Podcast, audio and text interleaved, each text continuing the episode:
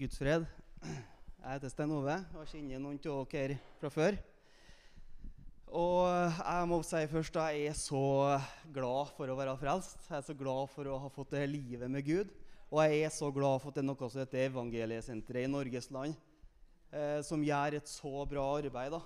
Og jeg tenker på det. Hvor har vært vært i dag hvis det ikke har vært det? Det herberget som Evangeliesenteret er. Å få lov å komme inn dit og bli møtt av folk som er fylt av Jesus. Sitte om morgen og kveld på samlinger med Guds ord, lovsang, fellesskap. Fullføre videregående. Det har redda livet mitt. Og jeg tenker på det at um, Gud gir tilbake det som fienden har røva fra oss. Fienden kommer for å stjele, myrde og ødelegge. Jesus kom for at vi skal ha liv, og liv i overflod. Og det har jeg sannelig fått. Det går bra på alle mulige måter, egentlig. Livet mitt. Det er så velsigna liv jeg har fått. Men vet du hva som er det største av alt? Jeg går, jeg, eh, jeg går på skole nå, NTNU, og eh, det har lagt seg til rette på all slags vis. Men det største av alt, det er livet med Gud. Det er det største av alt. Jeg ser på det andre som en bonus. For at det er det her livet med Gud, det nye livet som jeg har fått komme inn i, med Den hellige ånds samfunn, med å få kjenne Han som har skapt alt og har skapt meg. Det er fantastisk, det. Nå holder vi på med noe på skolen som heter anatomi og kroppslære. da. Så tenker jeg, for en skaper. Tenk at han har vevd sammen og laga det sånn. Så fantastisk. Og der holder jeg på å snakke om at uh, De jo, snakker jo mye om at mennesket på søken etter lykke. Å finne lykke. Det har jo vært siden tidenes morgen. Da får jeg egentlig bare lyst til å reise opp hånda og si at jeg vet svaret. jeg skal gjøre det når jeg er ferdig. Jeg vil ikke gjøre det nå, for da tror jeg han ser rart på meg. Nei da. Men i hvert fall, livet mitt før det var trasig. da. Det var ikke noe særlig. Og folk, store og små, sa til meg at Stein Ove, kan ikke du bare skjerpe deg? Kan ikke du bare ta deg sammen?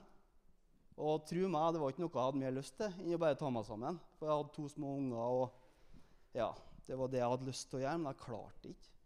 Jeg klarte ikke. Jeg ba til Gud, men jeg, jeg klarte ikke. Det var for mye greier rundt meg. Når jeg fikk komme inn på Evangeliesenteret, fikk jeg bygd meg et nytt nettverk. Det redda livet mitt å få lov å komme inn dit. Og jeg er så takknemlig for uh, Evangeliesenteret. Det de har gjort i livet mitt og i livet til mine brødre og søstre her. Det er så fantastisk.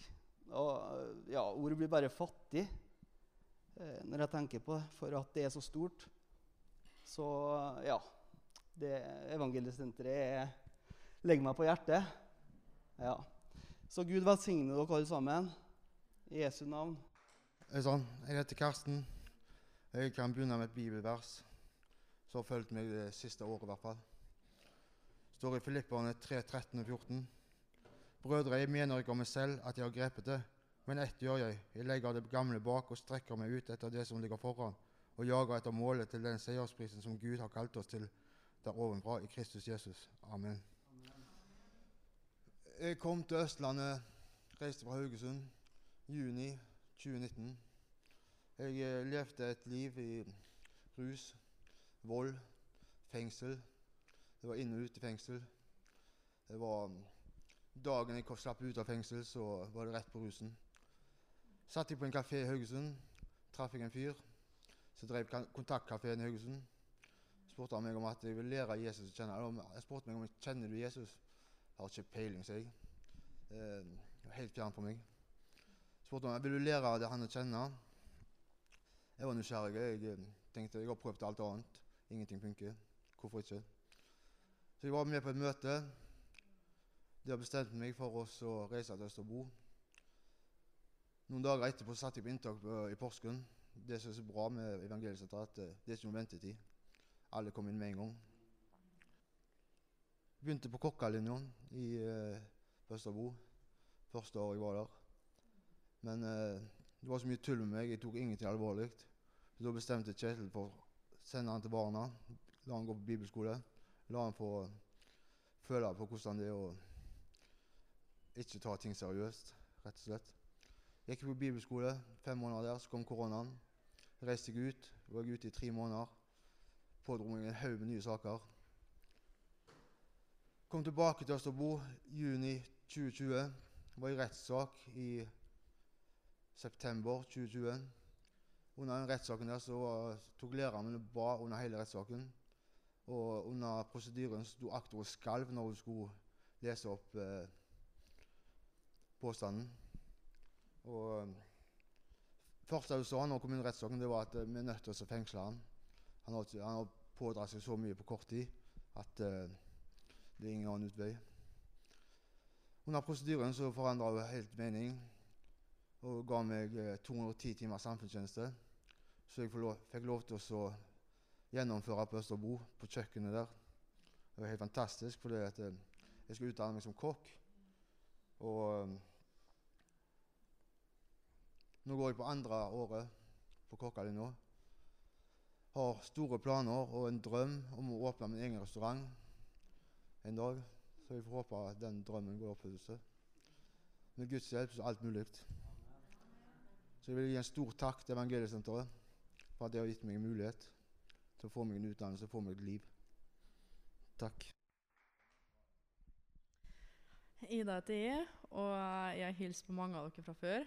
For jeg går jo her på søndager. um, jeg er 21 år, flytta ut fra senteret for uh, ca. to måneder siden. Og jeg kjenner jeg blir litt sånn følsom av å stå her egentlig sammen med gjengen her. For jeg blir litt sånn, det vekker litt følelser i meg. På senteret har jeg fått en stor plass i hjertet mitt. Eller som Kjetil sa, at jeg har bodd her i nesten 10% av livet mitt.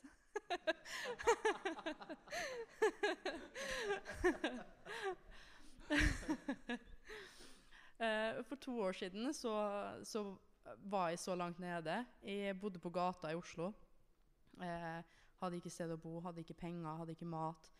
Hadde ingenting. Og skammen var så stor at jeg torde ikke å spørre familien min om hjelp heller. Det har også vært mye rusbakgrunn hos familien min, da. Så det, jeg følte liksom at de forventa mer av meg. Eh, og jeg, hadde egentlig slått meg til ro med at jeg kom til å dø hvert øyeblikk. Og syntes egentlig at det var helt greit. Um, ut av en tilfeldighet så møtte jeg på en eh, som jeg kjente litt fra før, i Oslo, som var på vei inn på senteret. Så han tok med meg ned på Kontaktkafeen i Oslo, eh, fordi vi skulle få i oss litt mat og sånne ting. Eh, og da var det ei dame der som huka tak i meg og spurte meg om hvordan livet mitt er. da. Hvordan har du det? Og når jeg fortalte henne hvordan ting var, så, så begynte hun å spørre om jeg hadde lyst på et trygt sted å sove, om jeg hadde lyst på et sted å bo, om jeg hadde lyst til å gå skole, om jeg hadde lyst på mat. Alle de tinga der. Eh, og tenkte, altså det første jeg tenkte, var at jeg hadde ikke penger til det her. Men det sa hun bare at eh, ikke tenk på det.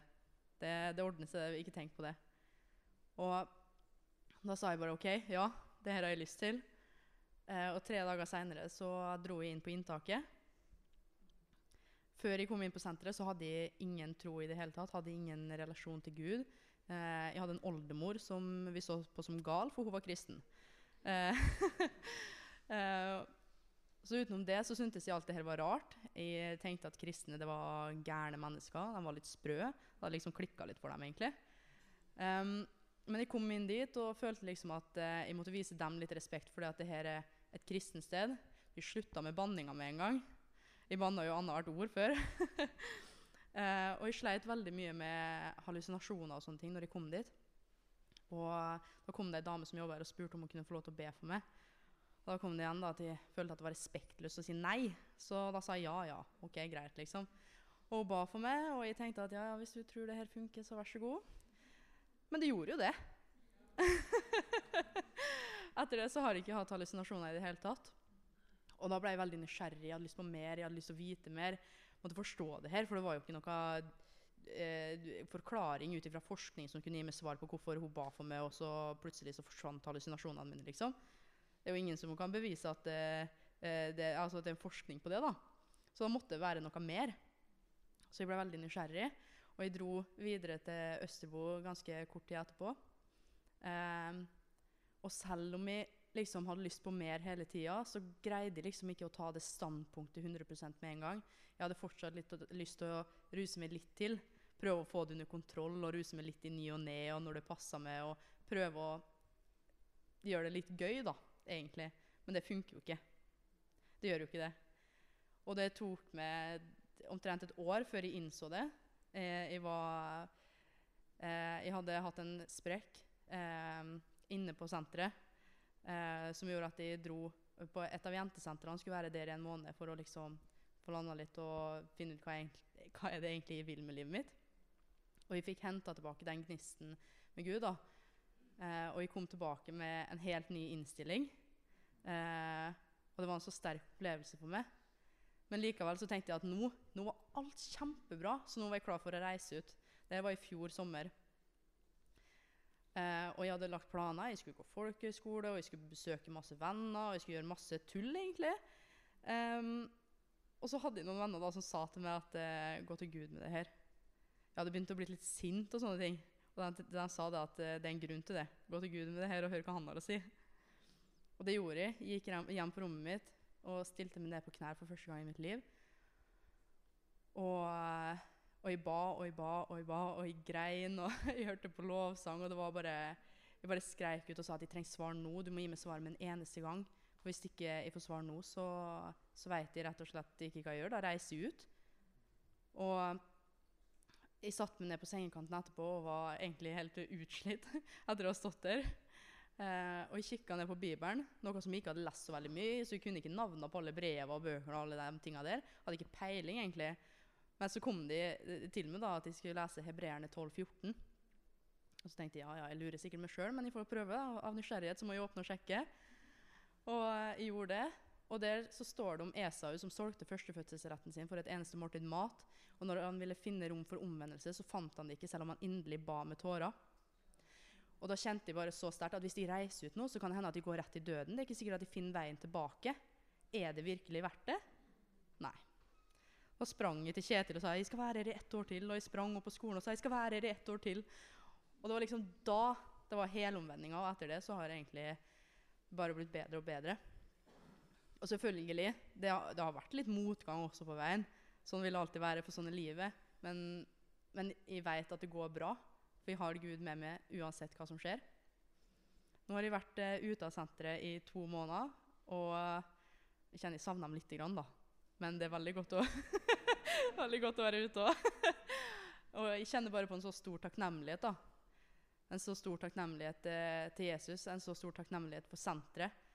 For alle de tinga som vi har fått oppleve gjennom det her. Pappa har også blitt rusfri. Han har rusa seg siden han var 11 år og slutta først å ruse seg etter han møtte Jesus etter jeg kom inn på senteret.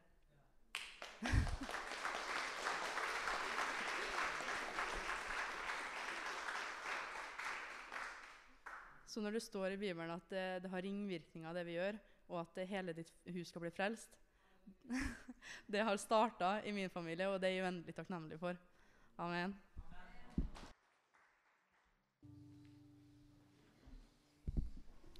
Det er alltid verst å være sist. Han står og gruer seg litt hele veien. Jeg heter eh, Trond Einar.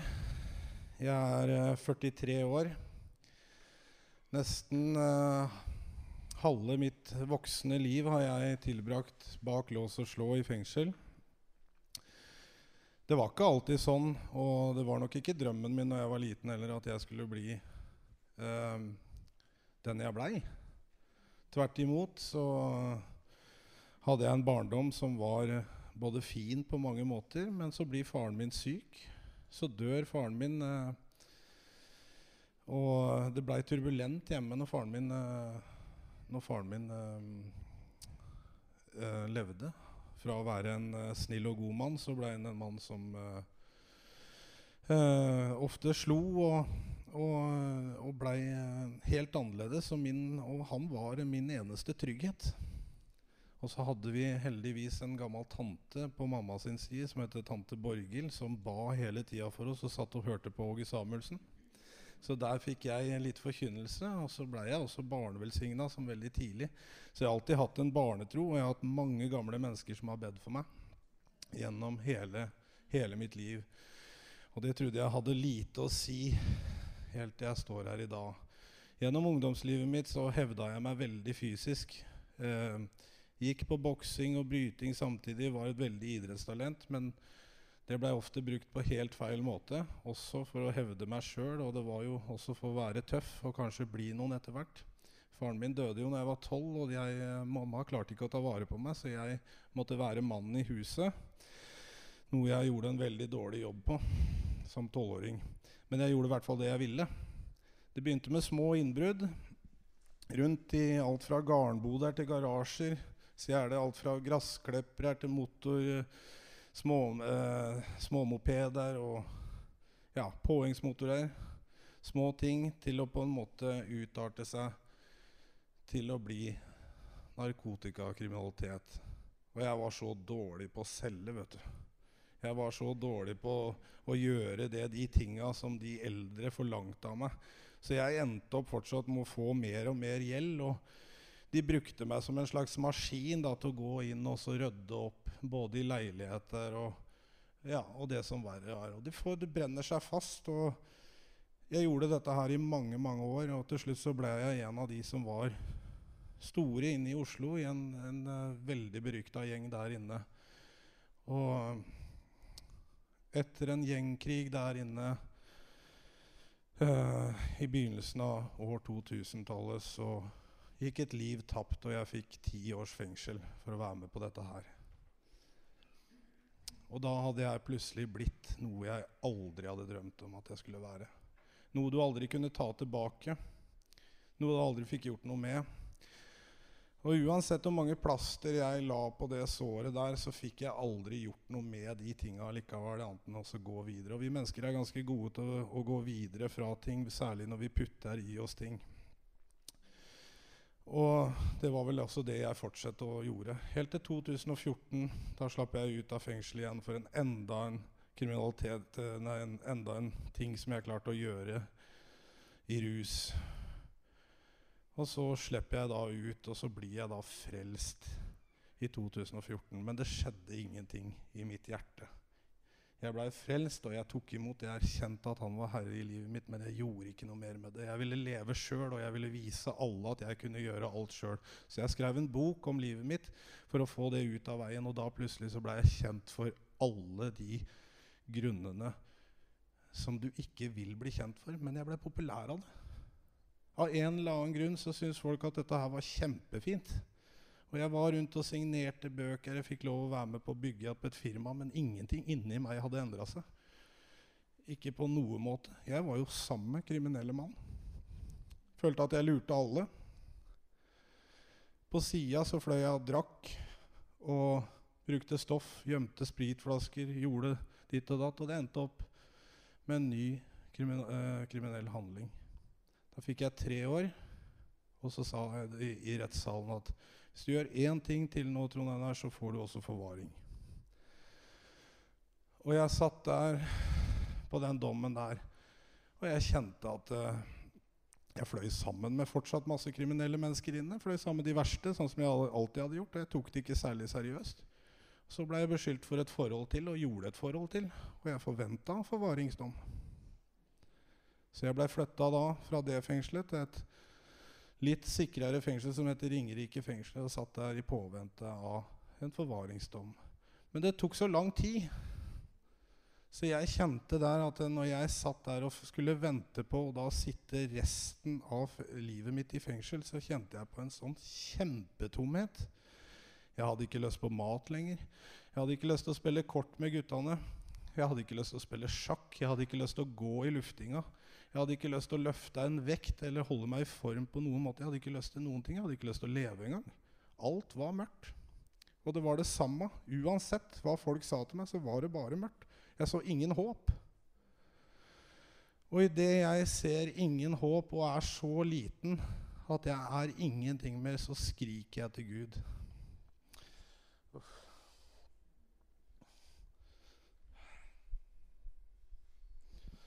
Og jeg blir møtt så innmari på cella at dere aner ikke hva som skjer. Ja, Så jeg blir slått omtrent bakover av en sånn varme. Ja, som jeg sa i går, at dere kunne liksom stekt vafler på meg. Og det er ikke kødd engang. altså. Det var helt fantastisk, og jeg blei slått rett ut. Og der møter jeg min overmann for første gang. Der jeg ikke har noe å si, så blir jeg bare møtt med kjærlighet etter alt det jeg har gjort. Hvilken nåde.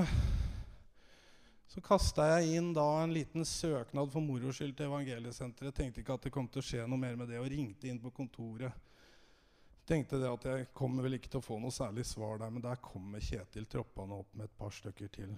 Og da sitter vi der inne og får en kanskje litt kort og litt rar samtale, men vi får i hvert fall bedt sammen. Og jeg hadde vel ikke noe større håp etter det etter at han dro.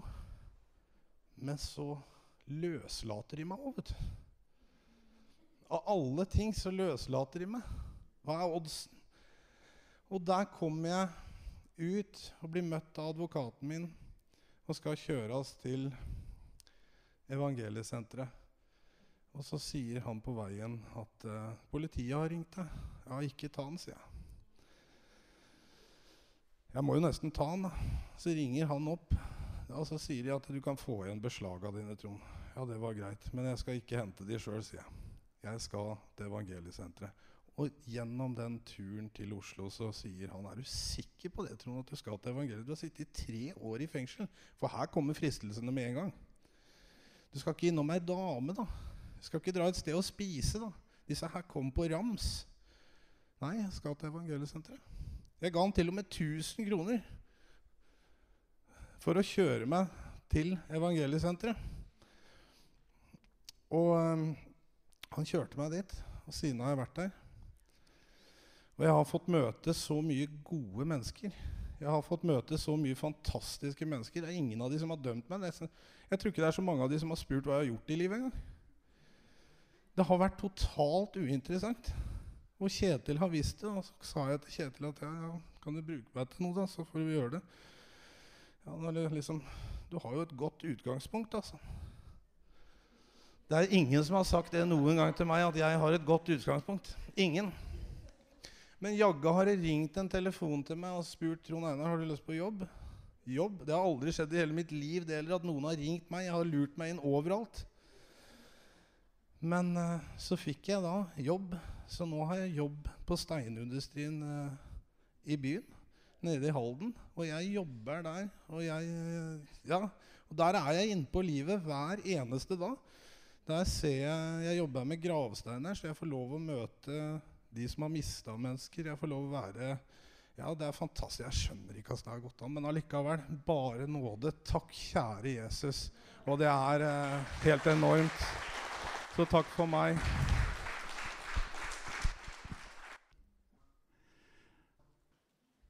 Også, men jeg har bare lyst til å komme med et lite, kort vitnesbyrd, jeg også. Uh, fordi at jeg føler det at det er et menneske som sitter her, som kanskje har behov for å høre det. Uh, og noen ganger så kan det bli ganske mørkt i livet. Og da har jeg lyst til å si til deg at Gud er mektig til å skape lys i ditt liv. Og det var sånn i mitt liv at uh, Gud kom inn og sa 'bli lys', og det blei lys. Jeg har levd et helt forferdelig liv i et veldig stort mørke helt fra jeg er lita jente. Og det prøvde alt mulig rart og rusa meg uh, sønder og sammen og prøvd alt for å få et bedre liv, men det blei rett og slett bare mørkere og mørkere. Og til slutt så lå jeg inne på en psykiatrisk institusjon, og rullegardina var dratt ned, og framtida var avlyst. Og det var bare mørke. Og de skulle egentlig behandle meg med sånn elektrosjokk, altså sette støt på hjernen, for at du skal klare å på en måte skape et type falskt lys inni deg. Men så blei jeg frelst isteden.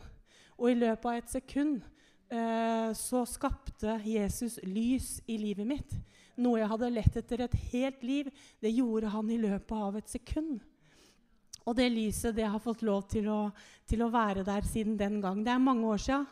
Det var i 2004, og, og det holder ennå. Så jeg hadde bare lyst til å gi den korte hilsen at uh, Gud er også mektig til å skape lys i ditt liv. Guds fred Sånn jeg kjenner jeg blir uh, stolt. Når jeg sitter der og hører på vitnesbyrda, så kjenner jeg at jeg blir skikkelig stolt av å få lov til å være en del av et arbeid som forandrer menneskers liv sånn.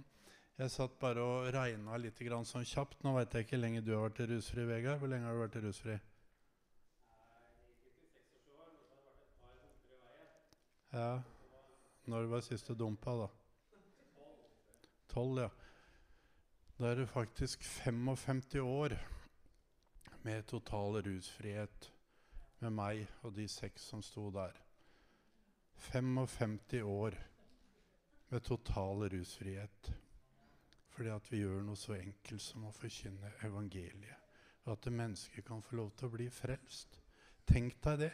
55 år med rusfrihet. Det er lenge. Det er faktisk fem år mer enn det jeg er òg. Og det er gammelt. Og jeg satt og tenkte det når jeg satt der. Tenk deg det. Så lenge. Ikke at vi er de beste psykologer, psykiatere, leger.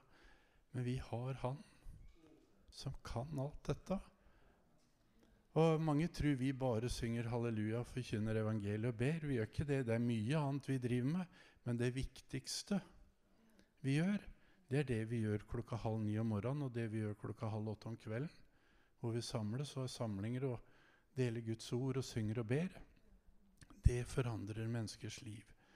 Og her, med de seks som sto der, og meg inkludert, 55 år med rusfrihet. Tenk deg så stor Jesus er. Helt fantastisk.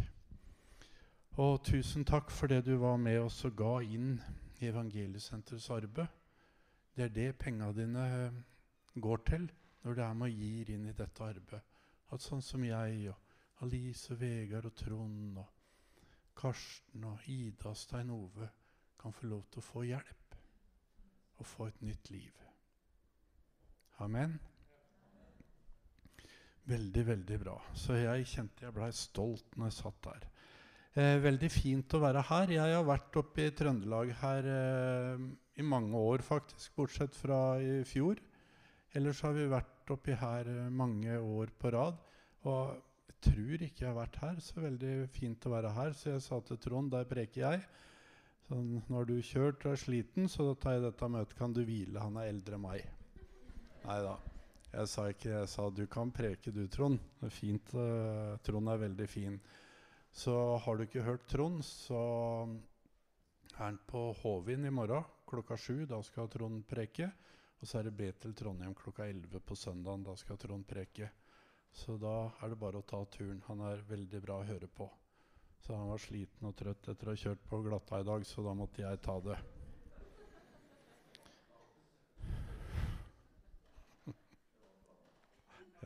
Det var planen sin. Men planer kan forandres, tenkte jeg. Jeg skal dele noen ord fra Johannes 6. Veldig kjent tekst. Så står det fra vers 5. Da når Jesus løftet sine øyne og så at en stor folkemengde kom til ham, sa han til Philip, hvor skal vi kjøpe brød så disse kan få ete? Men dette sa han for å prøve ham, for han visste selv hva han ville gjøre. Philip svarte, brød for 200 denarer er ikke nok til at hver og en av dem får et lite stykke. En av hans disipler, Andreas Simon Peters bror, sier til han, her er en liten gutt som har fem byggbrød og to småfisker, men hva er det til så mange? Jesus sa, la folket sette seg ned. Det var mye gress på stedet, og mennene satte seg da ned. Tallet på dem var omkring 5000. Jesus tok brødene og takket, og han delte ut til dem som satt der. Likeså delte han ut av småfiskene så mye de ville ha. Da de var blitt mette, sier han til sine disipler, sank sammen stykkene som er blitt over, slik at ingenting går til spille. De sanket da sammen, og de fylte tolv kurver med stykker av de fem byggbrønnene som var blitt til overs etter dem som hadde spist. Jesus, vi takker deg. Takk at vi kan få lov til å være sammen her på Heimdal i dag. Herre, takk for de fantastiske vitnesbyrda. Takk for det det har gjort med menneskers hjerter i dag, Herre. ber vi om at du ved din Hellige Ånd, Herre, og vi ber om at du skal salve, Herre, de orda, de tankene jeg har, Herre, sånn at det kan bli til hjelp, Herre, for noen mennesker, Herre. At det kan gå inn og skape noe nytt i et menneskes liv. Håp og tro om ei bedre framtid og en tjeneste i ditt rike, Herre. Vi ber om det i Jesu navn. Kom du med din salvelse. Legg din salvelse, Herre til mine ord, Herre. Og hjelp meg noen minutter, Herre, så jeg kan få formidla det, Herre, sånn som du har lagt det på mitt hjerte, og at det kan bli til hjelp, Herre. Vi ber om det. Takk for ditt nærvær. Takk for ditt nærvær, en hellig stund, Herre, hvor du kommer nær og betjener mennesker, Herre. Vi ber om det i Jesu Kristi navn. Amen. Her ser vi Jesus har en stor folkemengde etter seg. Jesus var en sånn som meg. Når han gikk et sted, så kom det mye folk etter. Det var ikke sånn. Men Jesus var sånn. Han var en attraktiv kar. Folk gikk for å ville høre han, så de gikk langt. Og jeg satt og tenkte på, jeg veit ikke hvor lang denne marsjen som de gikk, var, hvor du fulgte Jesus opp i fjellet. Så tenkte jeg Trond skulle preke dette budskapet, for han arrangerer turer til Israel, og hvor han har guide, og så han er mye bedre kjent i Israel enn meg. Så kanskje han hadde visst hvor lang marsj det var. Og her var det jo en 5000 stykker som gikk. Og tenk deg, eh, til og med jeg som ikke er en sånn fjellmann, men jeg veit at hvis jeg skal gå langt og opp i fjella, være der en dag og høre på noen Det første jeg hadde sagt, Alice, lag litt mat til meg, sånn at jeg kan ha med meg noe mat der, så jeg ikke blir sulten. Og gjerne ei flaske med vann, hadde jeg bedt Alice og lagde i stand til meg. Hun hadde sikkert lagd det uten at jeg hadde spurt òg. Men her var det ingen som hadde tenkt på mat. Det var 5000 menn. Og det er litt sånn eh, Selv om det ikke ser sånn ut, så er jeg sånn som sikkert kunne ha sulta i hjel foran matboksen. Jeg hadde vært radmager hadde jeg ikke vært sammen med Alice. Hadde, for hadde ikke orka eti, eller orka eti, det hadde jeg jo, men eh, hadde ikke lagd mye godt. Når jeg lager meg mat, så er det tørr brødskive med kaviar. Det er liksom, Da skeier jeg ut skikkelig hvis jeg tar på ost. Da har jeg tatt meg god tid. Og sånn, Mange av disse mennene var nok sånn. De gikk opp der, og de blei sultne etter hvert. Og det var jo ikke så lett å få tak i mat oppi der. Lite penger var det òg. Så de kunne ikke gå og kjøpe. Og så var det en som hadde med noe fra mora si. En liten gutt som hadde ei omsorgsfull mor, som hadde smørt ei lita matpakke til henne og gitt den med dette på veien. Og her sånn, så Når jeg tenker på den historien der, så tenker jeg så mye på hvordan Jesus eh, manifesterer evangeliet. Han viser evangeliet i praksis. Mange andre steder som du og jeg leser, så hører vi Jesus. Han forkynner, han prater om de tinga som hører Guds rike til. Men her så viser han i praksis det som Guds rike til. Og denne lille gutten kommer fram og blir henta fram, for det var heldigvis en der som hadde øye for å se etter det som kanskje ikke alle andre så etter. Og eh, jeg tror Trond er en litt sånn fyr som eh, Der står at eh, en av hans disipler, Andreas Simon Peters bror, sier til han, her er en liten gutt. De andre så ikke han, de 5000 mennene tenkte ikke på han, men det var en Andreas der, Simon Peters bror, som sa her er en liten gutt som har noe. Han så det var en som hadde noe, og han turte å ta dette fram til Jesus. Og Sånn er også Trond litt. Han tør å se etter noe i mennesker som kanskje ikke de andre regner med, som kanskje ikke de andre ser på. Som de andre tenker at nei, her er ikke noe. Her ser faktisk Trond noe, og så tør han å satse. Jeg husker den dagen Trond eh, spurte om jeg og Alice ville bli ledere første gangen. Det var jo kjempestort. Sånn, eh, Trond Einar fortalte jo om Ringerike, et veldig sikkert fengsel. Jeg og Alice vi gifta oss på Ringerike, så ekteskapet vårt det er ganske trygt. Og Trond han så noe i livet vårt som gjorde at han turte å spørre vil dere dra opp på Helgøya og bli ledere på Granlin evangeliesenter. Og så gjorde vi det etter hvert og turte det, og fikk lov til å oppleve at Gud tok det som vi hadde, og velsigna det sånn at det blei til hjelp for mennesker. Det ene året som vi jobba der, hadde vi 89 permisjoner. Og det var to sprekk av de to. Han ene hadde drukket et sammen med foreldra sine til maten. Det satte vi på som sprekk, det òg. Og den andre var en litt mer alvorlig sprekk. Tenk deg for et sted for at det en så at der er det noe. I de er det noe. Så Trond turte å satse på meg og Alice og sende oss dit og ansvaret der. Og så fikk vi lov til å være der noen år, og så kom Trond en dag og spurte har dere lyst til å dra på Østerbo og bli ledere der. Østerbo er ganske stort. Det er ganske mye å holde på med. Og, og så at han turte. Og det jeg Ikke at jeg er noe flink, eller vi er noe sånn kjempeflinke, men vi har klart å lykkes lite grann. Og det jeg syns er aller mest morsomt med at vi faktisk har klart å lykkes litt, at vi ikke bare har hvelva over ende med en gang, det er at Trond turte å satse på oss. Og jeg sier det På samlinga sa jeg det for litt siden, jeg lever i rekord hver dag. For nå har jeg vært bestyrer på Østerbo halvannet år lenger enn den som har vært lengst før meg. Så jeg bare knuser rekorder dag for dag. Det er kjempestort. Og fortsatt så har jeg planer om å være der ei stund til, i hvert fall. Og kjenner at det er så stort. Tenk deg at vi har en som er leder i evangeliesenteret, som hadde de øya som han her hadde. Her er en liten gutt som har fem brød og to fisk. Det var kanskje ikke så mye. Det så ikke så veldig rart ut. Det så ikke så stort ut. Men det blei til hjelp for mange.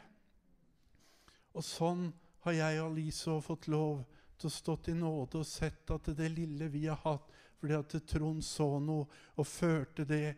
Turte å gi det over til Jesus. Her har du disse. Kan du bruke dem?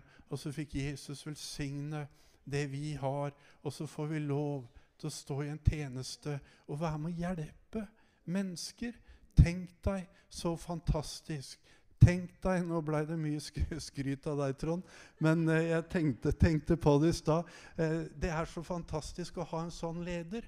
For Trond kunne jo ja, Hadde du satt opp 100 stykker i et rom her inne, da, hvis du tar alle her, så er alle dere bedre egna til å være leder enn det er. Sånn, så var det nesten sånn Hvem er den dårligste vi har i senteret? Kjetil, han satser vi på. Ikke sånn litt på kanten, men at han turte. Og det har vært så stort for meg mange ganger at noen har turt og satsa på meg. Noen har turt og gitt ansvar, gitt nøkler, gitt myndighet, gitt tilgang til ressurser og økonomi og alt. Hadde vært eh, Trond har kjent meg i mange år. Jeg likte ikke Trond noe særlig godt før. Han var politi, og jeg var røver. Jeg likte ikke når han kom hjem, for jeg så at han så hva jeg drev på med. Jeg sa, men tenk deg for en tillit for det. Og det er ikke fordi at jeg er Kjetil at Trond gjorde det. Ja, Kjetil, nå prøver vi. Nei. For han så at det er noe der som Gud kan velsigne. Og jeg har holdt på litt nå med også En kamerat av meg han vil ha anbefalingsbrev som forkynner, og så har vi holdt på litt med det. Så sa jeg ja, det skal, jeg, det, skal det stå at uh, Gud bruker det som ingenting er, og det er prikk, prikk, prikk han et bevis på. Bare sånn litt, litt, litt, tullete. Men Gud, det er sant. Gud bruker det som ingenting er. Og det er det jeg tenker litt grann med denne preken i dag. Kanskje du sitter her og du føler at du har ikke så forferdelig mye. Du har ikke så mye å bidra med. Du kan ikke så veldig mye. Du har ikke fått til så veldig mye i livet. Men gi det til Jesus. La Jesus få lov til å ta hånd om det og velsigne det. La han få lov til å bruke det, så kan det bli til hjelp for veldig, veldig mange mennesker. For vi har med en stor Gud å gjøre. Og han ønsker, og han elsker å velsigne, og han elsker å gjøre det vise til skamme ved å kanskje plukke ut deg i det du er aller dårligst til. Og velsigne det sånn at æren blir hans. At synet, blikket, det rettes mot Jesus for å se hva han har klart å få til gjennom et menneske. For det er Jesus som skal ha æra i mitt liv. Jesus og Alisa. Alisa er ganske flink og litt utdanna. Så hun klarer å holde styr på meg og mye. Men Jesus skal ha mesteparten av æra. Og jeg tenker det er nok mange som har det sånn i livet at uh, jeg duger nok ikke til noe. Jeg passer ikke til noe i tjeneste for Jesus. Kanskje jeg er ikke så brukbar. Men Jesus har i hvert fall aldri spurt meg, Kjetil, hva kan du? Jesus har aldri kommet til meg og bedt meg legge fram en CV eller legge fram ting og vise hva jeg kan. Men Jesus han har mange ganger spurt meg hva vil du jeg skal hjelpe deg med? Hva vil du jeg skal gjøre for deg? Og jeg har fått lov mange ganger til å holde på med ting som jeg egentlig ikke forstår, men så bare forstår jeg det. Så bare forstår jeg det. Ikke fordi at jeg har blitt noe klokere, men fordi at Den hellige ånd, den opplyser mitt indre menneske. Så går det opp i huet, og så lyser opp der. Så forstår jeg det. En sånn en Gud har vi med å gjøre. Men jeg tenker på det at der hvor det fysiske hadde stoppa opp, det fysiske som var her, det var fem brød og to fisk. Det var det fysiske. Og det er klart at du kan dele disse brøda i mange, men det var fem brød og to fisk. Det var det som var håndfast. Det var det du kunne se, ta og føle på, og det var det som var maten til alle disse. Så tok Jesus tak i det som den lille gutten hadde, løfta det opp mot himmelen, takka og ba, og så begynte de å bryte det og dele det ut til alle som var der. Og alle ble mette. Alle ble mette. Det er nesten som å være på møteserie. Da er du mett hele tida. Og alle ble mette. Og det blei tolv kurver til overs. Og sånn, Du som er litt interessert i Bibelen og går litt dypere, så kan du lese et annet sted om at det ble sju kurver til overs. Og For meg så er dette Israels tolv stammer, og så har du de sju menigheter. Og så kan man gå videre til de sju menigheter og se på Laudikea-menigheten, som mest sannsynlig er den siste menigheten, den siste tida. kan man se hva som særpreger Laudikea, med bankvesen, legevitenskap og alle disse ting. Og så ser man det at Jesus kommer veldig snart ut av disse kurvene som ble til overs. Og det er brød nok igjen i de kurvene inntil Jesus kommer igjen. Det er mat nok til oss som er kristne, inntil Jesus kommer og henter oss hjem. Og da tror jeg de kurvene er tomme. Så er du interessert i det, så kan du grave videre og se på det. Og det er litt spennende og litt moro. Men vi går tilbake til den lille gutten. Jeg har sett for meg han så mange ganger. Jeg har vært han så mange ganger. Jeg har stått i situasjoner så mange ganger hvor jeg har følt meg så ynkelig. Som en som ikke har vært regna med. Og så har jeg fått lov til å blitt frelst. Og så har jeg fått lov til å blitt en som er blitt regna med. Jeg har blitt sett av en som har tatt meg fram og så latt meg få lov til å gå inn i ting, sånn som den lille gutten. Eh, nå tror jeg han var under tolv år, for er du ikke gutt når du er under tolv år i Israel? Så han var sikkert under tolv år, siden det står en liten gutt. Og jeg ser for meg han står gjemt litt baki der og syns ikke pga. mennene, men heldigvis så var det han som hadde de øya. Se her er en liten gutt som har fem brød og to fisk. Så kom de kloke, sikkert eldstebrødra. Ja, men hva er det til så mange? Ikke sant? Nå veit jeg ikke hvem som er brødre, men jeg er med i lederskap, mener jeg sjøl, så ble det meg, da. Men så fikk vi lov til å se, og jeg tror du er her i dag, at du skal få lov til å oppleve det.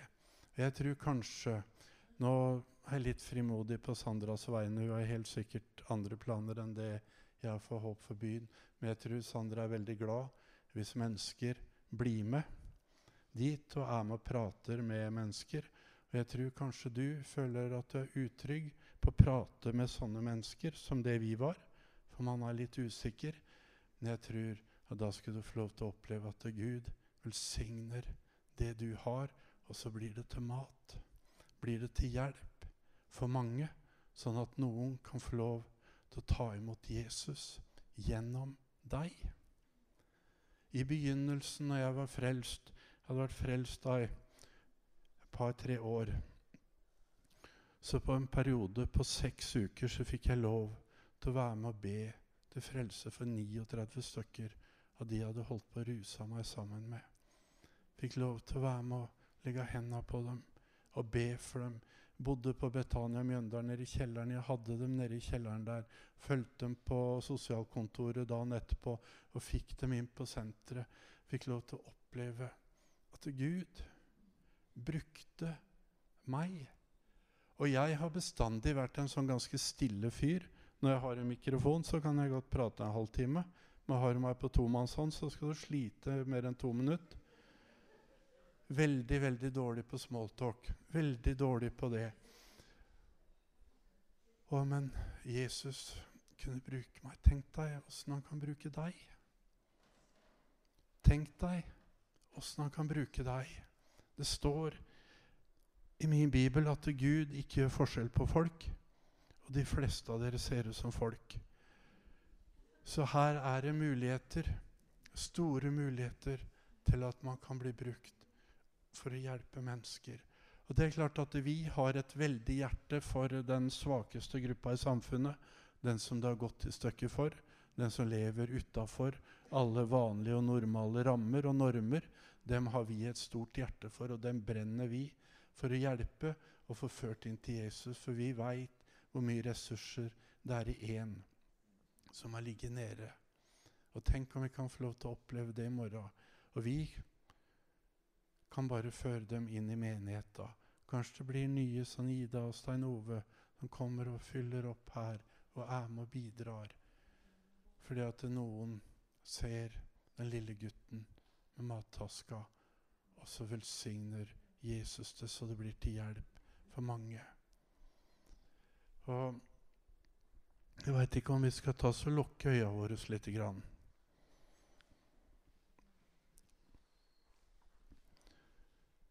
Og kanskje du kjenner det at uh, du har noe i ditt liv som kanskje du har lyst til å gi til Jesus i dag. Kanskje jeg kan få lov til å være den Andreas som er med på oss og sier til Jesus at her er det noe så Jesus kan få velsigna det. Men den lille gutten hadde aldri fått lov til å oppleve det underet og bli skrevet om der hvis han hadde holdt tilbake og ikke hadde gitt det til Jesus. Jeg og Alice hadde aldri fått lov til å oppleve den velsignelsen der, å stå i ledelse og stå i tjeneste, om vi ikke hadde svart ja på det som Trond spurte oss om. Og i dag så tror jeg Jesus vil at du skal rekke ut de matpakke til Jesus, sånn at han kan velsigne det, sånn at det blir til mat for mange.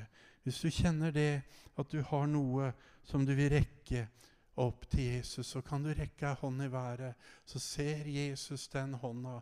Det er mange hender som går i været, og Jesus vil velsigne det å ta det. Skal vi be litt sammen, så kanskje Vegard kan komme opp og gjøre seg klar til en uh, sang etterpå. Jesus, vi priser deg, vi lover deg, vi opphøyer deg, Jesus. Takk for ditt navn, Herre. Det er stort, og det er hellig, og det er reint, Herre. Vi priser deg. Takk, Jesus, for at du så, Herre, de mennesker som rakk av hånd i været, som hadde ting, Herre, som du vil gi til deg. Nå ber vi denne stund, Herre, at du skal velsigne det, Herre. At du skal ta det og bryte det og velsigne det, Herre. Sånn at det kan bli til mat, til hjelp og til redning for mange, Herre. Vi ber om det, Jesus. Takk at du legger dine naglemerkede hender, Herre, på mennesker og velsigner i dag, Herre. La mennesker få lov til å oppleve at de kommer ut, Herre, i tjeneste og får lov, Herre, til å være med og bidra med det du vil at de skal bidra med, Herre. Vi ber om det i Jesu Kristi navn. Amen.